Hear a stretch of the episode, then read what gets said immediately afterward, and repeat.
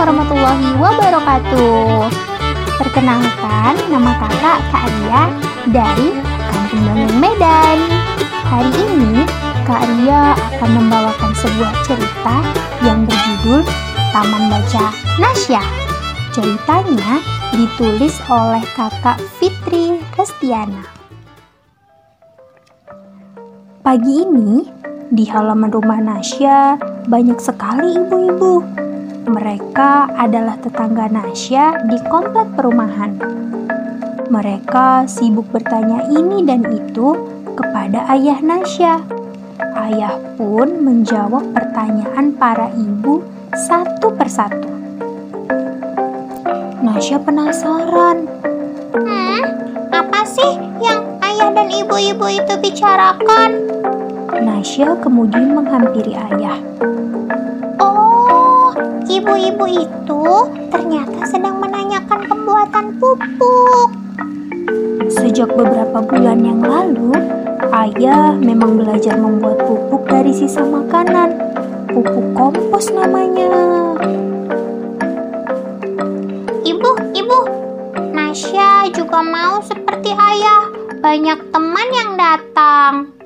Kemudian, ibu menarik Nasya dan memangkunya. Wah, tentu saja boleh. Nasya bisa mengajak teman-teman kumpul di rumah dan bikin kegiatan seru. Kalau ibu dan ayah kan berbagi ilmu, Nasya mau berbagi apa? Tanya ibu sambil tersenyum kepada Nasya.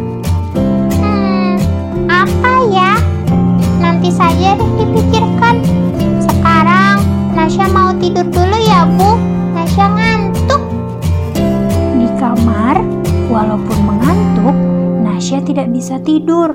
Ia berpikir serius. Badannya bolak-balik menghadap kiri dan kanan. Ah, bingung. Berbagi uang. Hmm, aku kan masih kecil, belum bekerja. Bagaimana mau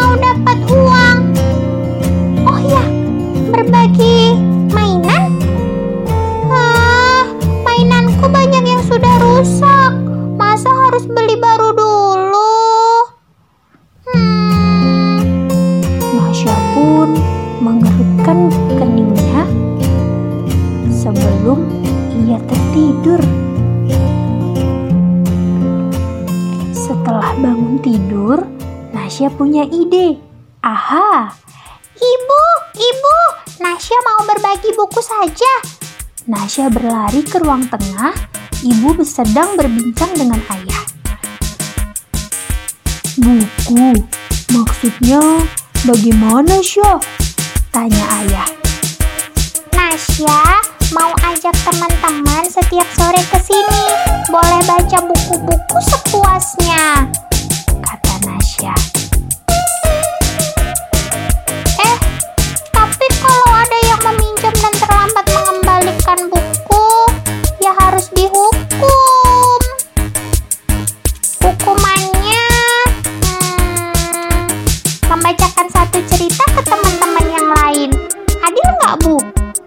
Wah, idenya keren.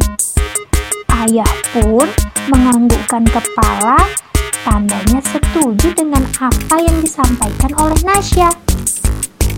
Nanti ayah yang pindahkan lemari, ibu yang atur tempat, Nasya yang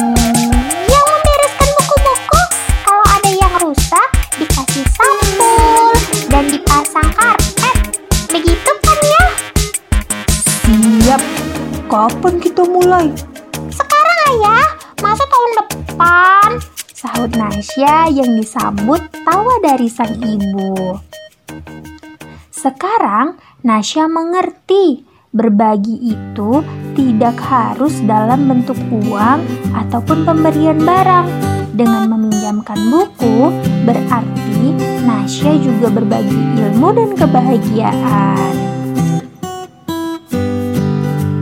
Wah, ternyata berbagi tidak harus dengan uang dan mainan ya. Meminjamkan buku seperti Nasya juga berbagi loh. Alangkah senangnya jika kita suka berbagi. Rasulullah Shallallahu Alaihi Wasallam pernah bersabda, "Barang siapa yang menunjuki kepada kebaikan, maka ia akan mendapatkan pahala seperti pahala orang yang mengerjakannya." Hadis riwayat Muslim. Sekian cerita dari Kak Ria. Wassalamualaikum warahmatullahi wabarakatuh.